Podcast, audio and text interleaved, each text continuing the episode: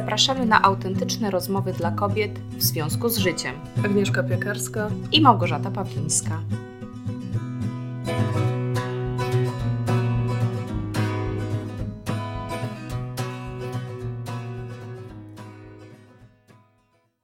Witajcie słuchaczki, tym razem jest Gosia, powróciła na posterunek. Już niebawem opowiemy Wam, jak to za kulisami wszystko wygląda. Hmm. Że Gosia plan. czuwała tak naprawdę, nawet nad odcinkami, gdzie jej nie było.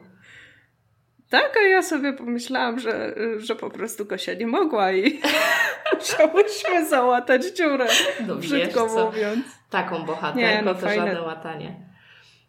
Nie, raz w roku, wiesz, możemy sobie pozwolić na, na fajnego gościa o, może fajnie by było jeszcze częściej. No, ale niektórzy goście no, nie są tacy dyspozycyjni. Na Monikę też przyszło nam trochę poczekać. No, no na Monikę czekałyśmy od wiosny. Tak. Swoją drogą, jakbyście dziewczyny miały jakieś pomysły na gości, y, to napiszcie do nas, y, z kim, z kim nas byście w parze widziały. Albo jedną z nas, bo ciężko rzeczywiście ciekawe. wywiad we trójkę przeprowadzać. Też powiedziałam o parze, nie o trójkącie. Okej. No to przejdźmy może już do konkretów, co? Dobra, tym bardzo takim e, wesołym wstępem mamy dzisiaj odcinek, który. Temat, który się pojawiał w innych odcinkach i ja podlinkuję, bo ja sobie specjalnie przejrzałam ostatnio przygotowując się do tego odcinka, ponieważ mi na nim bardzo zależy. E, przejrzałam wszystkie nasze dotychczasowe, te ponad 60 parę odcinków i wypisałam sobie e, wszystkie tematy, w których, w których nawiązywałyśmy do tematu wysokiej wrażliwości. Tu już nie będę trzymać e, w takiej niepewności, o czym będziemy mówić.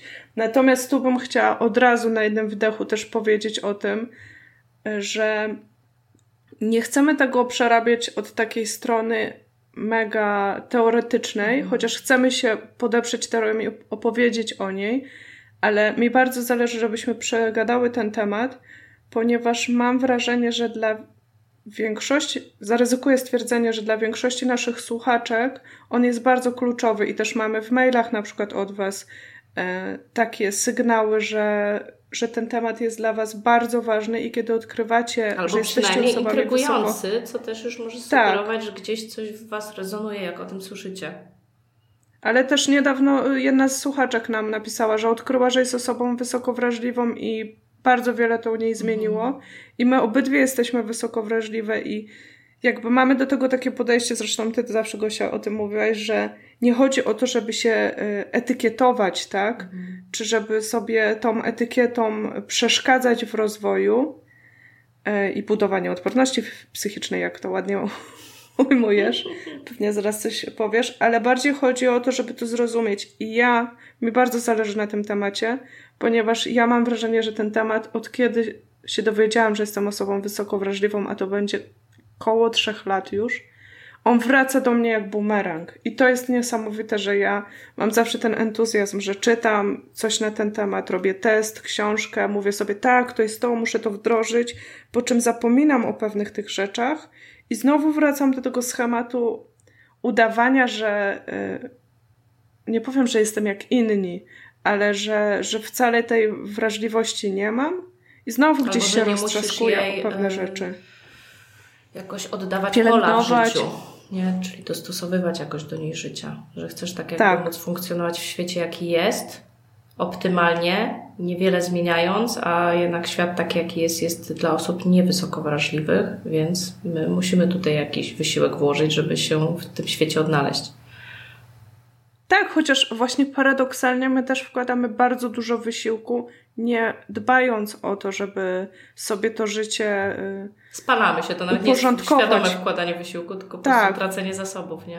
Mhm. I właśnie wtedy tracąc te zasoby, wkładamy ogrom wysiłku jakby w życie i dostosowywanie się y, do świata, który po prostu nam. Y, nie służy. No, nie służy, tak. Taka długa przerwa i przestrzeń. Bo nie słyszę to... pytania. A, bo dzisiaj ja pytam. Gosia już się przyzwyczaiła, że ja zadaję pytania i, i, te, i teraz będę robić wywiad. W każdym razie w każdym razie chciałabym ten temat rozgryźć w taki sposób, żebyśmy dzisiaj przeszły sobie przez wszystkie pytania, które są zawarte w książce e, dr Elaine Aron. Taki test, który e, pozwala nam zdiagnozować siebie jako osobę wysoko wrażliwą. Wiem, że ten test będzie też na Twojej stronie internetowej, więc na pewno odeślemy do tego e, każdą z naszych słuchaczek i też na naszej stronie tego odcinka w związku z życiem.pl E, znajdziecie też odnośniki do tych osób, które piszą o wysokiej wrażliwości, które polecamy, do tych książek, które dotykają tego tematu.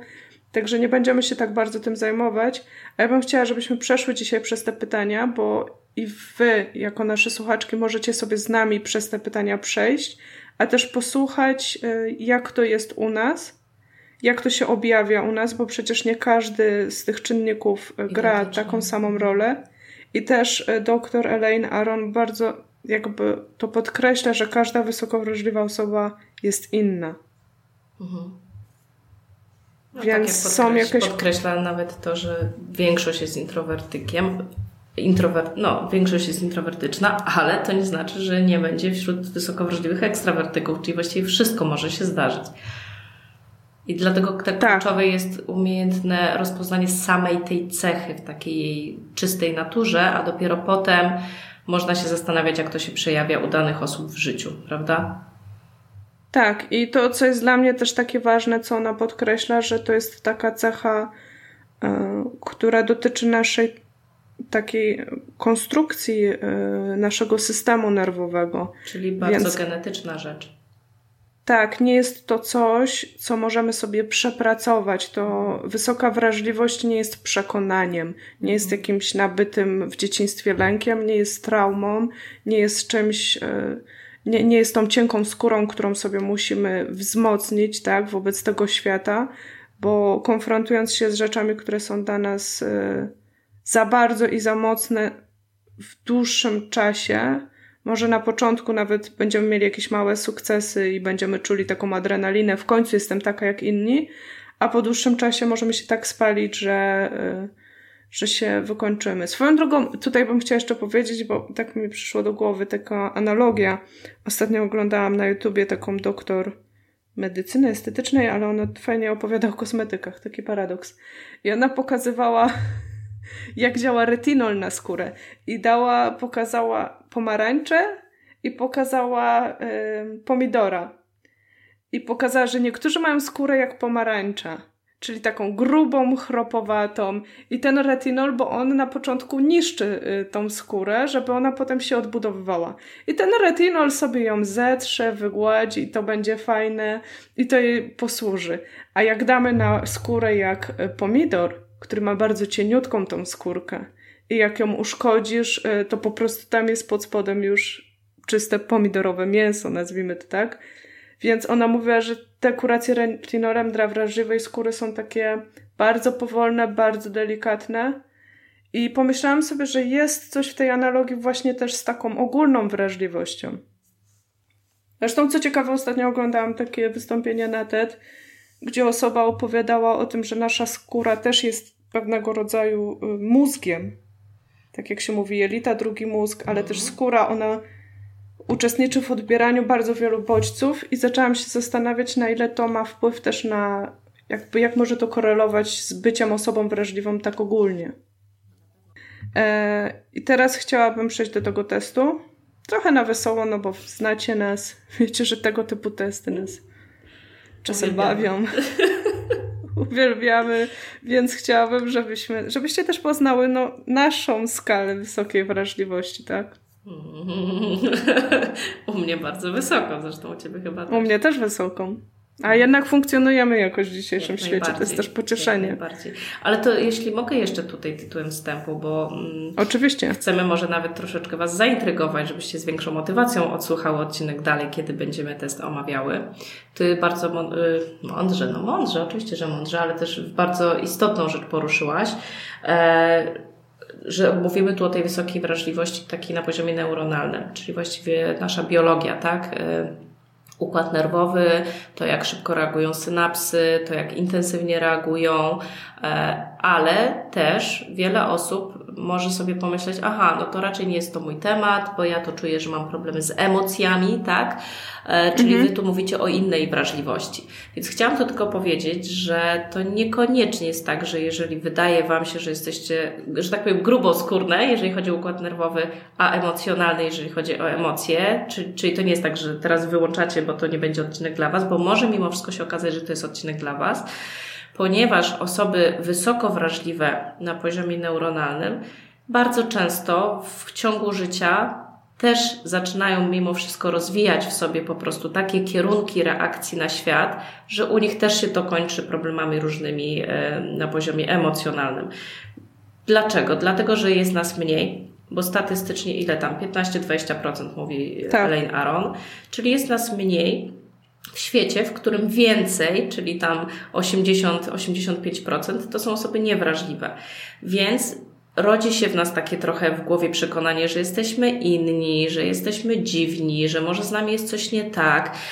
Żyjemy od, właściwie od maleńkości pod presją swojego rodzaju, żeby się trochę dostosować, żeby nie być właśnie takim wrażliwym na wszystko, żeby nie marudzić jak jest za głośno, żeby nie, nie kręcić nosem, jak jest hałas naokoło i chaos i za dużo bodźców. E, I wiadomo, no, nie jest tak, że ktoś nie chciał tego w nas akceptować. Po prostu często rodzice nie wiedzieli, czym jest wysoka wrażliwość, więc po prostu myśleli, że hartowanie nas tutaj wzmocni. Ale też wejdę Ci w słowo, mhm. często nasi rodzice mogli też być wysoko wrażliwi i nie akceptować tego tak. u siebie, albo wiedzieć, jak trudno jest z tym funkcjonować jak ciężko jest z tym żyć i dlatego chcieli nas po prostu jakoś, no właśnie wzmocnić, ale nie wiedzieli, jak, jak to robić. Teraz na szczęście właśnie jest więcej badań i już więcej w tym temacie wiadomo.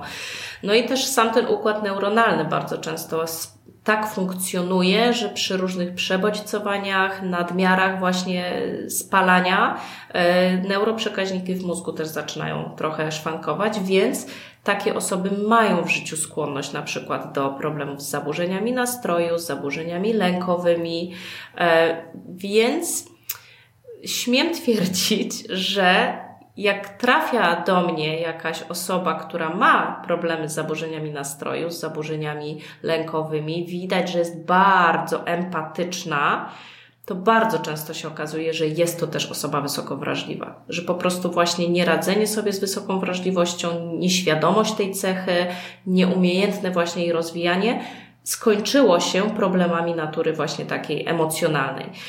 Więc dlatego chciałam to bardzo zaznaczyć, że tak czy siak zachęcam do odsłuchania, bo może być tak, że u podłoża tak jakby tego, że macie jakieś tematy z emocjonalnością, może być właśnie u podłoża ta wysoka wrażliwość. Plus też jak się mówi o odporności psychicznej, którą pomagam rozwijać kobietom, to jest, mówi się, że jest takie spektrum, że na jednym krańcu jest odporność psychiczna, a na drugiej nie jest słabość psychiczna, tylko właśnie wrażliwość i tu się mówi już generalnie o takiej wrażliwości, która właśnie metaforycznie jest przedstawiana jako taki brak jakiegoś okrycia na sobie, taka właśnie cienka skóra, naprawdę dokładnie takich się określeń używa w tej metaforyce odporności psychicznej, albo jak taki, taka kula, która powinna nas oddzielać od świata, ale ona jest nieszczelna, jest pełna jakichś takich otworów, dziur, które sprawiają, że ten świat za mocno do nas dociera, za intensywnie, nic nas tak jakby przed tym światem nie chroni. Więc jest to bardzo bliskie rozumieniu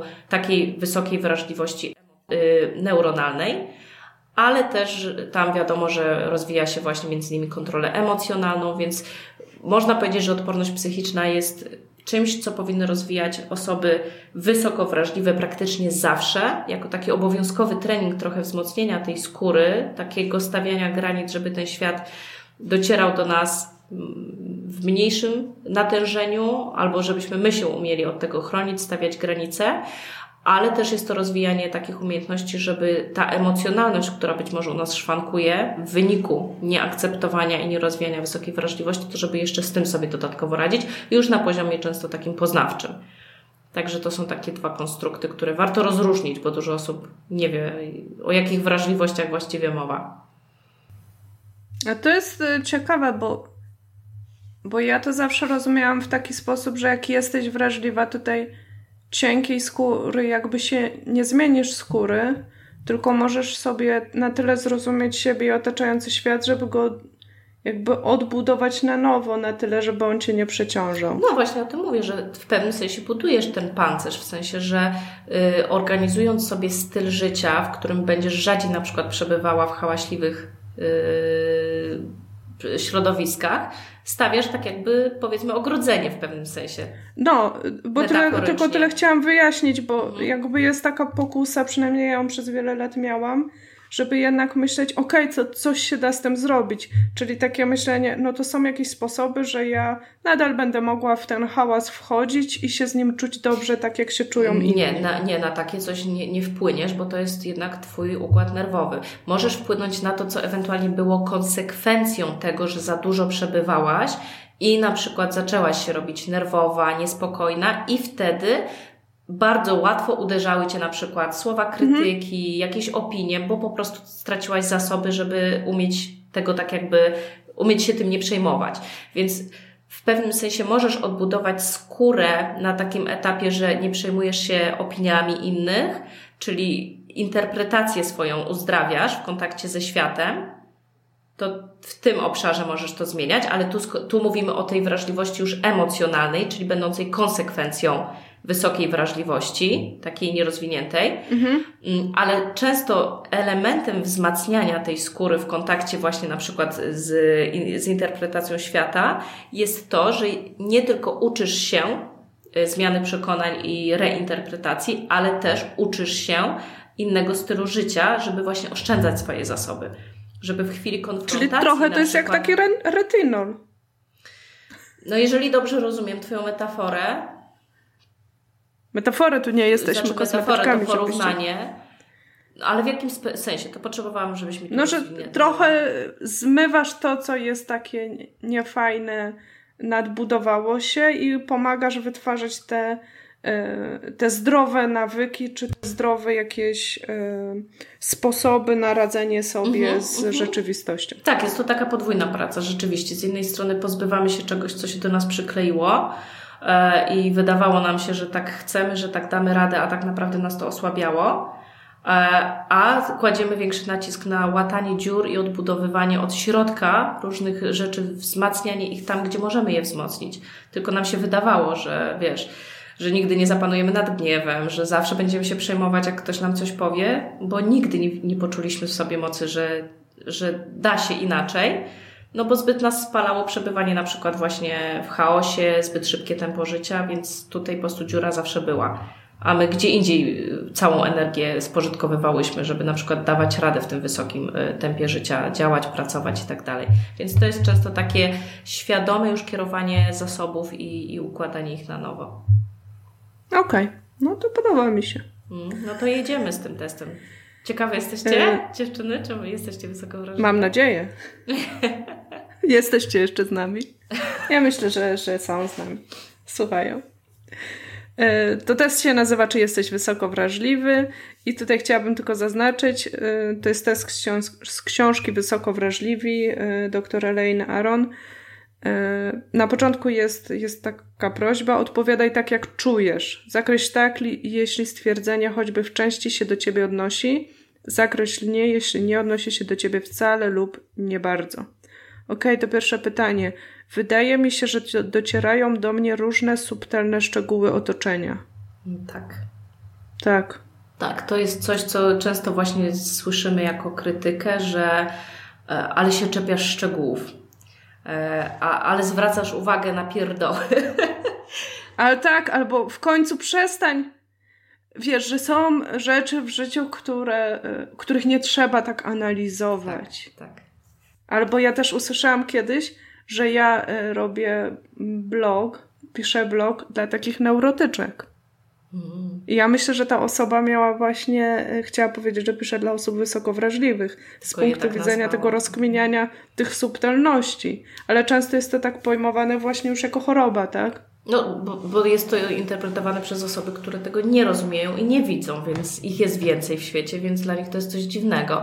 No, ale też to jest coś takiego, ta subtelność, że rozmawiasz z kimś, i ta osoba nagle widzi, że ma jakiś grymas na twarzy i ty to od razu wyczujesz, nie? Zobaczysz. Mhm. Taki, taki, taka mikromimika, nie? To jest takie subtelne, tak. że nawet ta osoba może sobie nie zdawać sprawy, że że może właśnie kłamie, nie? albo że się zawahała e, w momencie, gdy tak. chciała ci powiedzieć komplement. Ty już to zobaczyłaś. I możesz mhm. później komuś powiedzieć, no niby mi, nie wiem, pochwaliła fryzurę, ale ja widziałam, że się zawahała i ktoś ci powie, Boże, ale się doszukujesz. nie, my to widzimy. my to widzimy, no. I osoby wysoko wrażliwe są świetne na detektywów, na właśnie wykrywaczy kłamstw, bo my naprawdę w najsubtelniejsze szczególiki widzimy. Widzimy właśnie jakieś takie drobiazgi, co może nas doprowadzać, bo zauważcie, to też obciąża właśnie naszą uwagę i nasze zasoby, że, mm, że nam będzie ciężko przebywać w bałaganie, jeżeli coś będzie źle, niedokładnie posprzątane bo my dalej będziemy widzieć te okruszki, więc albo musimy się zdecydować, że w takim razie poświęcamy czas, żeby posprzątać, albo musimy wyjść do pokoju, który jest zawsze posprzątany i w nim nie pozwalam nikomu bałaganić, bo inaczej nas to będzie po prostu drażniło. I to nie jest perfekcjonizm. Albo w relacjach z innymi to nie jest, że wybieramy, kiedy chcemy widzieć te subtelności, a kiedy ich nie chcemy widzieć, nie. tylko niestety zawsze je widzimy, a nie zawsze też, umówmy się, człowiek ma ochotę widzieć, że ktoś go okłamuje, tak? Mm.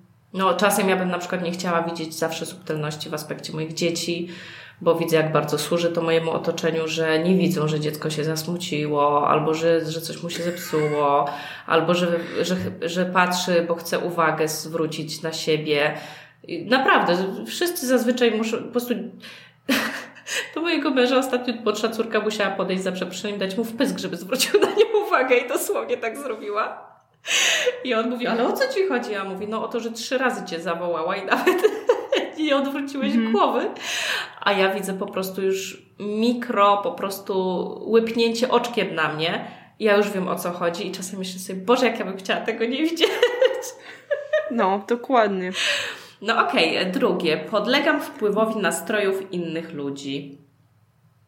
No i to jest, no słuchajcie, bardzo. ale ja tu ja muszę od razu to zaznaczyć, ja też, e, że jeżeli się rozwija wrażliwość, e, czyli w kierunku idzie odporności psychicznej, to zaczyna się widzieć różnicę między podlegam a ulegam. W sensie, że rozwinięta empatia nie polega na tym, że my przestajemy tak jakby czuć emocje innych i jakoś podlegać ich wpływowi, w sensie, że no, my zawsze będziemy temu podlegać, w sensie, że jeżeli ktoś poczuje smutek, my realnie będziemy też bliscy poczuciu smutku bardziej niż jego zrozumieniu, ale niekoniecznie ulegniemy. I to jest coś, co wiele osób myśli, że w ogóle nie, nie pomyślałoby o tym, że takie coś jest możliwe.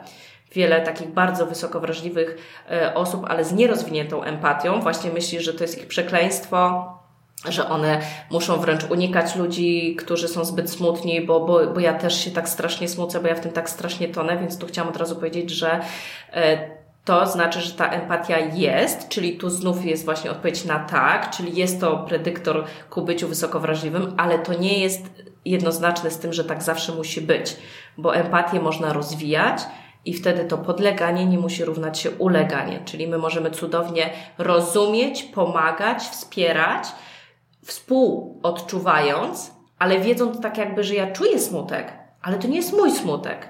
Więc nie jest mi smutno z powodu tego smutku, rozumiesz? Więc mnie to tak nie dociąża. Rozumiem, bo miałam, widziałam tą różnicę, jak byłyśmy razem w Atenach. Naprawdę widziałam to i du dużo czasu mi zajęło przeanalizowanie sobie tego, ale widziałam, że o ile miałyśmy pewną taką sytuację, w której ja bardzo uległam pewnym nastrojom i totalnie je przejęłam, a ty nie ulegałaś im, tylko mi punktowałaś to. I ja wtedy nie byłam w stanie zrozumieć, o co ci chodzi, czemu jesteś taka sztywna i w ogóle nie chcesz popłynąć na tej fali tych nastrojów, tylko już mówisz dość, bo jesteś zmęczona i wiesz, że musisz się wyspać.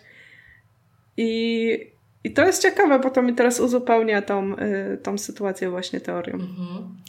E, Dobra, czyli tu też mamy obie oczywiście. Tak, trójeczka. Mam skłonność do dużej wrażliwości na ból.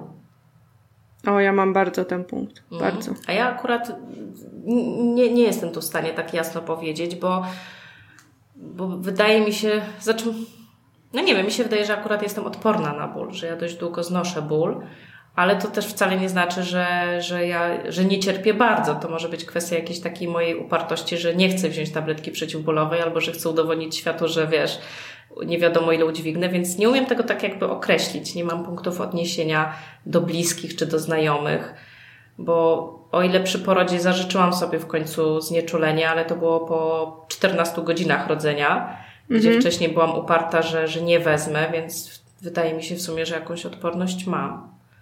To ja mam to bardzo i mam to od dziecka. I niestety to jest jeden z moich takich, y, znaczy niestety. To jest dla mnie taki bardzo y, jeden z ważniejszych punktów w życiu, ponieważ ja od dziecka miałam bardzo duże bóle głowy. Y, I właściwie chodziłam z tymi bólami po lekarzach, mama nie wiedziała, co mi jest. Potem pamiętam, jak dostałam okres, i, i to był tak koszmarne bóle, że ja nie byłam w stanie egzystować. Ja nie jechałam na wycieczkę szkolną. Ja po prostu przeżyłam to okropnie i pamiętam bardzo dobrze taką kłótnię moich rodziców, ponieważ moja mama myślę, że też była wysoko wrażliwa i też miała bardzo dużą wrażliwość na ból. I ona była bardzo dużym zwolennikiem właśnie tabletek przeciwbólowych, żeby je brać od razu, yy, zanim ten ból narośnie. I pamiętam, pamiętam podejście mojego taty, który zawsze mówił: walcz z bólem to był taki challenge, że ja nie powinnam tej tabletki brać. A to ja mam jak chyba trochę wiedział, takie jak może, do głowy coś. Wiesz, jak może w ogóle okres boleć, nie? Tak naprawdę, ale wiesz. Wa walcz z bólem. I ja pamiętam tą wewnętrzną walkę, nie dość, że był ten ogromny ból, to jeszcze tą moją wewnętrzną walkę za każdym razem, jak brałam tabletkę. Zasoby, tak, jak brałam tabletkę przeciwbólową, yy, gdzie czułam się po prostu jak loser i że, e, że nie daję rady, bo po prostu, e, bo jednak wzięłam to łatwiejsze rozwiązanie, a powinnam była walczyć z bólem. I skończy, skończyło się to u mnie właściwie bardzo dużymi problemami z żołądkiem. E, myślę, że też jakoś tabletki przeciwbólowe grały rolę, ale skończyło się to u mnie tym, że jak byłam w ciąży i miałam potworne bóle głowy codziennie, jak pracowałam. To były takie bóle głowy, jakby mi ktoś głowę w mhm. imadło wkładał koło 12. Y, to pamiętam tą moją rozpacz, jak byłam, nie wiem, już wiedziałam, że jestem w ciąży i dostałam takiego potwornego bólu głowy, który tak narastał, narastał i pamiętam tą moją rozpacz w domu, że ja nie mam co zrobić. Jestem w ciąży i nie mogę wziąć tabletek przeciwbólowych. I ja po prostu nie wiem, co mam zrobić, bo ten ból jest nie do zniesienia. Także akurat dla mnie te, ten punkt jest mhm. taki y, bardzo mocny. Rozumiem. No i myślę, że właśnie dla wielu wysoko wrażliwych dziewczyn też. Ale co ciekawe, jak przestałam pracować, yy, przestały się te bóle głowy pojawiać. O to ja też tak miałam, że pracując w korporacji w Open Space, ja praktycznie codziennie około pierwszej, drugiej miałam bardzo silne bóle głowy, tylko ja też później zobaczyłam związek z tym, że ja tam kawy więcej piłam, a za chwilę też to w teście mhm. będzie, że my bardzo jesteśmy wrażliwe na tego typu substancje jako osoby wysoko wrażliwe. Ja to niestety bardzo doświadczam. Więc też stwierdziłam, że tam chodzi generalnie o napięcie, o hałas, o kofeinę mhm. i to się kończyło bólami głowy. Też zdecydowanie mniej mam bólów głowy, e, odkąd odeszłam z etatu. Okej, okay. w dni, kiedy dużo się dzieje, miałam potrzebę znalezienia chwili dla siebie, chowając się do łóżka, zaciemnionego pokoju, czy gdziekolwiek indziej, gdzie mogę zaznać trochę spokoju i uciec od bodźców. Nigdy nie zapomnę, ale to jest dosłownie jedna z miliona sytuacji, ale taka jakaś dla mnie bardzo pamiętliwa, kiedy y, wynajmowałam mieszkanie z moim chłopakiem ówczesnym i jego znajomi przyszli. Ja z nimi zawsze miałam jakiś taki właśnie problem związany z tym, że oni byli bardzo tacy ekstrawertyczni, wszyscy, łącznie z nim, dlatego myślę, związek nasz jednak nie przetrwał, bo, bo za dużo mnie kosztował, mimo że mhm. fantastyczny chłopak, ale, ale pełen takiej energii aż za bardzo. I jego znajomi też tacy byli. I ja w pewnym momencie po prostu, no nieświadomie właśnie, nieświadomie, tak sama z siebie zaszyłam się na chwilę w drugim pokoju, po prostu wtuliłam się w moją kotkę, i w fotelu i tak po prostu chwilę z nią siedziałam i po, po prostu usłyszałam, jak pod drzwiami jedna z dziewczyn pyta tego mojego ówczesnego chłopaka, a czy z Gosią to wszystko w porządku? Ona to chyba nas nie lubi. Czemu tak po prostu sobie poszła i się zamknęła w drugim pokoju? No i to jest coś, co, co doświadczamy jako osoby wysoko wrażliwe, które chcą dać sobie prawo do zaopiekowania się sobą. No, Osoby niewysoko wrażliwe nie rozumieją czegoś takiego, że jest impreza, mogą nawet uznać to za niekulturalne, że co no, jak to, zaprosiłam gości i nagle wiecie, uciekam od nich, tak? zaszywam się w drugim pokoju, nawet światła nie zapalam, bo jeszcze gdybym może zapaliła, to by uznali, że czegoś tam szukam albo coś robię, a ja faktycznie poszłam do ciemnego pokoju i, i się wtuliłam w fotel, jakbym, wiecie, cierpiała dosłownie. No a widzisz, to, to są ciekawe, tego typu sytuacje. Bo ja na ten punkt przez wiele lat bym odpowiedziała nie, bo nigdy właśnie by mi nie do głowy nie przyszło, że ja mam prawo wyjść i odpocząć. I zawsze miałam w głowie, że muszę być taka kulturalna i muszę to wytrzymać. Po czym po takim natłoku i takiej imprezie pewnie bym odchorowywała po prostu dwa dni i nie wiedziała dlaczego.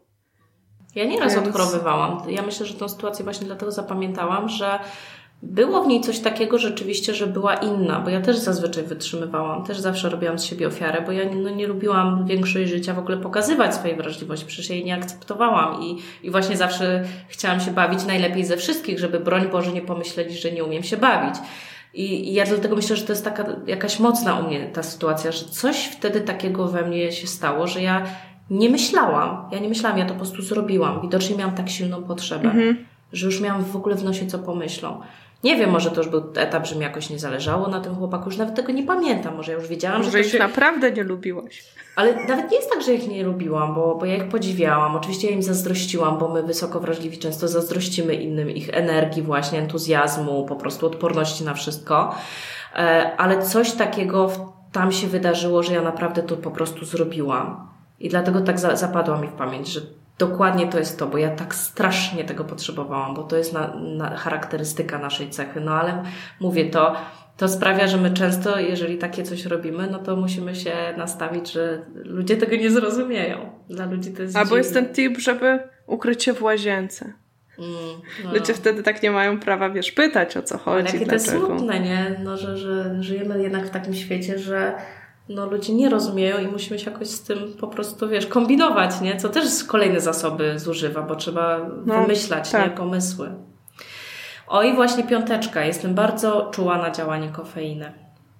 To powiem Ci tak szczerze, bo oczywiście ja tak, ale też już jestem mocno, mocno uzależniona, w sensie, że dużo piję, więc tam ta habituacja mhm. wystąpiła u mnie, ale na przykład to pokazało ten punkt, bo no ja też już parę lat temu się spotkałam z koncepcją wysokiej wrażliwości, ale jak się spotkałam z tym testem, to te, dzięki temu pytaniu zrozumiałam, że ja mam wysoką wrażliwość po moim tacie. Bo moja mama mhm. jest wrażliwa, ale ona jest wrażliwa emocjonalnie. U niej są te stany depresyjne i tak dalej. A u taty jest ta wysoka wrażliwość neuronalna, dlatego u mnie to się tak złożyło w ogóle, po, po każdym z nich coś mam.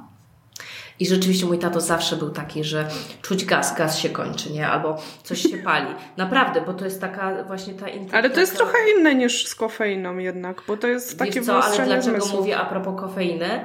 E, bo mój tato rzeczywiście parę razy nam mówił, bo on nigdy nie pije kawy. Nigdy. Mhm. I ile razy ktoś mu zaproponuje, to on mówi: Ja się raz w życiu napiłem i ja myślałem, że zejdę na zawał. Ja chodziłem po ścianach, ja w ogóle miałem zawroty głowy, ja myślałem, że umieram. Dziękuję bardzo. Aż tak? Tak, ja po prostu sobie, czytając to pytanie, przypomniałam sobie, jak on nam to opowiadał, że on tak zareagował na kofeinę i myślę sobie, no to ja wiem, jaką mam wysoką wrażliwość. Bo on jest mhm. generalnie wrażliwy na hałas. Mhm. Przecież ile razy ja od niego słyszałam jako dziecko, weź nie wyj, nie śpiewaj, bo mnie głowa boli. On wiecznie musiała mhm. być cisza. Codziennie chodził na spacery, pewnie właśnie po to, żeby się odbodźcować. Wyjechał z miasta i przeszczęśliwy, że mieszka na wsi, bo on ma ciszę i spokój. Więc wszystko mi się spięło, ale to jest śmieszne, że akurat dzięki temu pytaniu. A ja tak jeszcze szczerze powiem, że zdarza mi się myśleć, powiem to tutaj, ale do niczego się nie zobowiązuję, że będę chciała rzucić w ogóle kawę. Bo mhm. też y, badania pokazują, że y, nie powinny pić kofeiny osoby w ogóle o skłonnościach do zaburzeń depresyjnych, do zaburzeń nastroju i do zaburzeń lękowych. Kofeina niestety bardzo wzmaga stany niepokoju i lękowe. Więc ja sobie czasem myślę, że ja po prostu to ogłoszę, bo to zawsze zwiększa szansę, że to zrobisz i że w ogóle zrobię wyzwanie mhm. nawet być może z jakimiś moimi słuchaczkami czy tam y, czytelniczkami na rzucenie kofeiny, ale powiem szczerze, tak się boję to ogłosić, bo się boję, że będę musiała to zrobić, a tak kocham kawę. Ale właśnie ja muszę powiedzieć, do, że... Że jeszcze do tego nie dojrzałam, ale ja będę Że mnie będę to szokuje. Będę na pewno chciała. Mnie to szokuje, bo pamiętam jak się spotkałyśmy i i ty mi przecież pokazałaś Aeropress i ja powiem tak, ja nigdy bym, jakby ten punkt nie jest dla mnie taki wrażliwy, bo ja zawsze stroniłam gdzieś tam od kawy czy nadmiernej E, w ogóle od kofeiny. Generalnie dla mnie już trzy kawy w dzień to jest po prostu jakiś maks. To no, wiesz, często ja na przykład. Ja nie piję więcej niż cztery. No ale to jest bardzo dużo. No cztery, dla... ale dla mnie trzy to jest ekstremum mhm, ekstremów. To już -hmm, musi być jakiś mm hardkorowy dzień. Nie spałam i w ogóle. A i tak mi to tak nie pomaga za bardzo. Więc jakby y, zawsze mnie to tak dziwiło, że, że ty o tej kawie mówisz, bo ona jest taka, taka naturalna w twoim życiu ale wiem na pewno już tak na razie na zdrowy rozsądek, że będę chciała z kawy w ogóle zrezygnować. Tylko widzisz, właśnie to jest to, ta kultura picia kawy, celebrowanie, y, różne metody, różne w ogóle rodzaje kawy, na których się znam i które lubię rozróżniać. No to jest trudne. No ale masz się w zielarstwo wkręcić. Tam właśnie, też jest dużo. Takie, no wiem, wiem. Dużo jest niuans. Widzisz, to jest już takie Ale to nie te smaki po prostu. Ta kawa powodów. daje mi coś innego, nie? O to chodzi, nie? E, no, ale to tak mówię a propos tego, że nawiązując do tego, co powiedziałeś na początku rozmowy, że my bardzo często gubimy kontakt z tą naszą wysoką wrażliwością, że niby ją znamy, niby ją akceptujemy, ale właśnie mimo wszystko żyjemy, jakby jej nie było. I to jest u mnie ten temat tej kawy, że ja ciągle tak jakby piję kawę nawet więcej i mocniej niż osoby niewysoko wrażliwe, gdzie ja nie powinnam jej pić. Zwłaszcza, że ja jeszcze dodatkowo mam tendencję do zaburzeń nastroju, nie?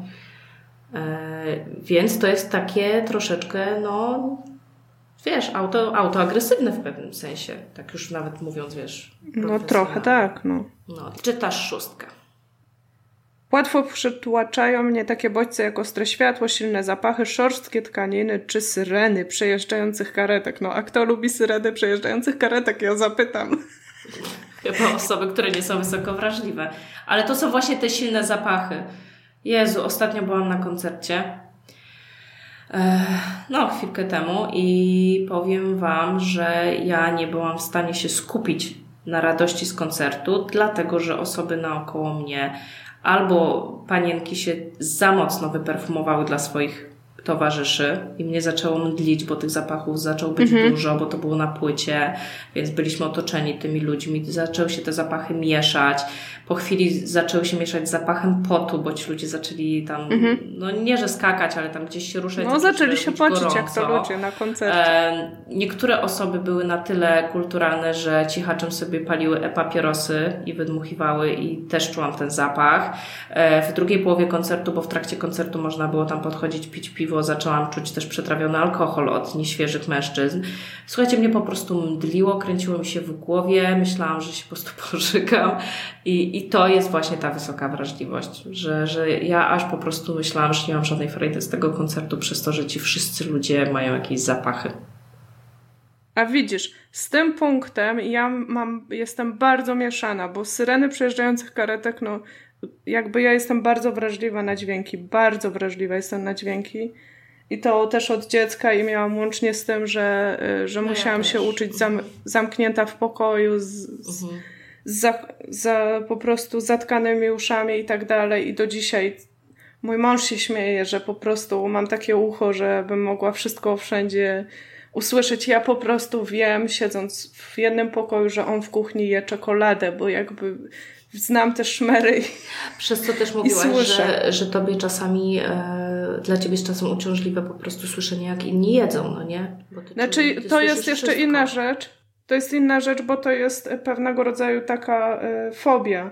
Mhm. E, ona ma swoją nazwę i to jest taka już ekstremalna no. wrażliwość na e, dźwięki, zwłaszcza na dźwięki, e, jak się słyszy, jak się ktoś je jak się słyszy, że ktoś je, więc to jest jakby też już jakieś ekstremum u mnie, tak?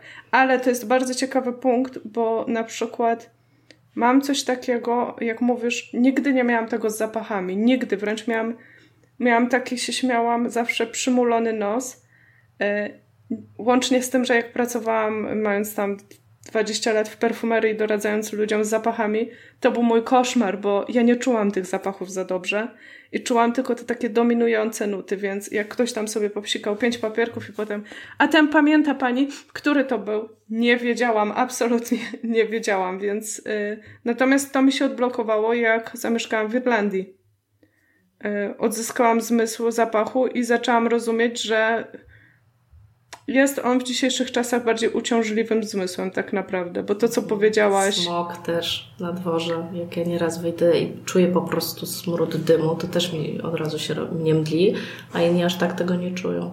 Ale też zauważ w tym pytaniu generalnie jest tak, światło, czyli zmysł wzroku, zapach, czyli zmysł węchu, tkaniny, czyli zmysł dotyku, syreny, czyli zmysł słuchu, czyli to generalnie ten punkt pokazuje, że te osoby raczej przytłacza większość bodźców docierających każdym zmysłem zmysłem, a biorąc pod uwagę też to założenie, że każdy wysoko wrażliwy jest na inny sposób, to może być tak, że u innych szczególnie będzie to jakiś jeden zmysł, a niekoniecznie wszystkie. Więc, więc tak, chociaż no. właśnie chciałabym jeszcze dokończyć, bo w tym punkcie odkryłam ostatnio jakiś niesamowity paradoks. Może ktoś go zbadał, może ktoś wie o co chodzi, ponieważ ja mam właśnie problem z tym słuchem, ale y, dlatego zawsze się strasznie marzyłam, żeby chodzić na koncerty takie duże, ale bardzo się bałam, no bo tłumy, no bo ten hałas jakby w ogóle nie dla mnie.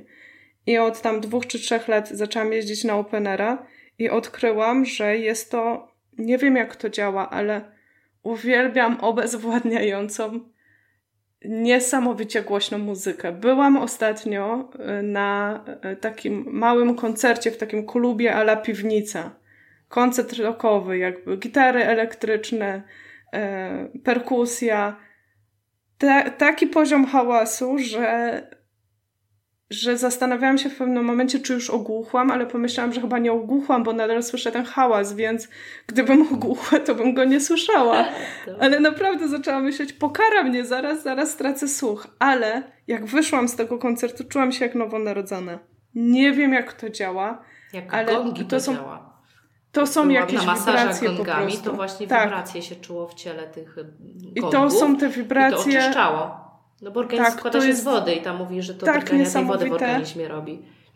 Mhm. Że po prostu stwierdziłam, że muszę od czasu do czasu chodzić ale na takie hardkorowe koncerty rockowe. No, od czasu do czasu. No, ale I tak wiesz co, Gosia? Mhm. No. Chciałabym teraz tu postawić kropkę, bo ten odcinek trwa już jakieś 40 parę minut. Mhm. E, I właściwie trzy kropki i zacząć od kolejnych pytań, bo one też otwierają pewien mhm. inny taki poziom wysokiej wrażliwości tak, tak. w kolejnym odcinku. No to dobrze, oczywiście, że tak.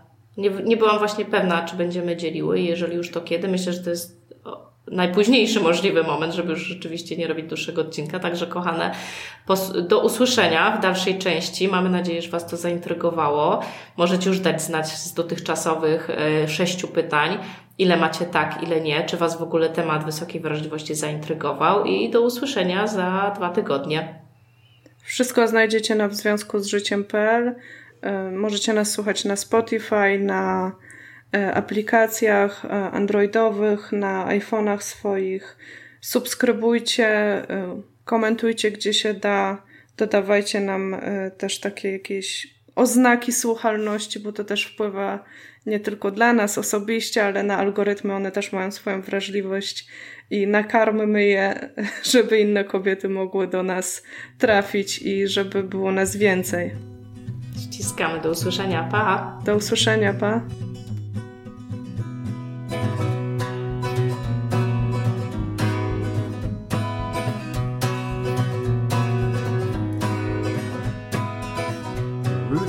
Rocks they bind me to the soil. And step by step, I make my way from Chicago. Storm clouds and flies drift to touch my skin. And all the while, my heart is touched by a piece of twine. It's not entangled.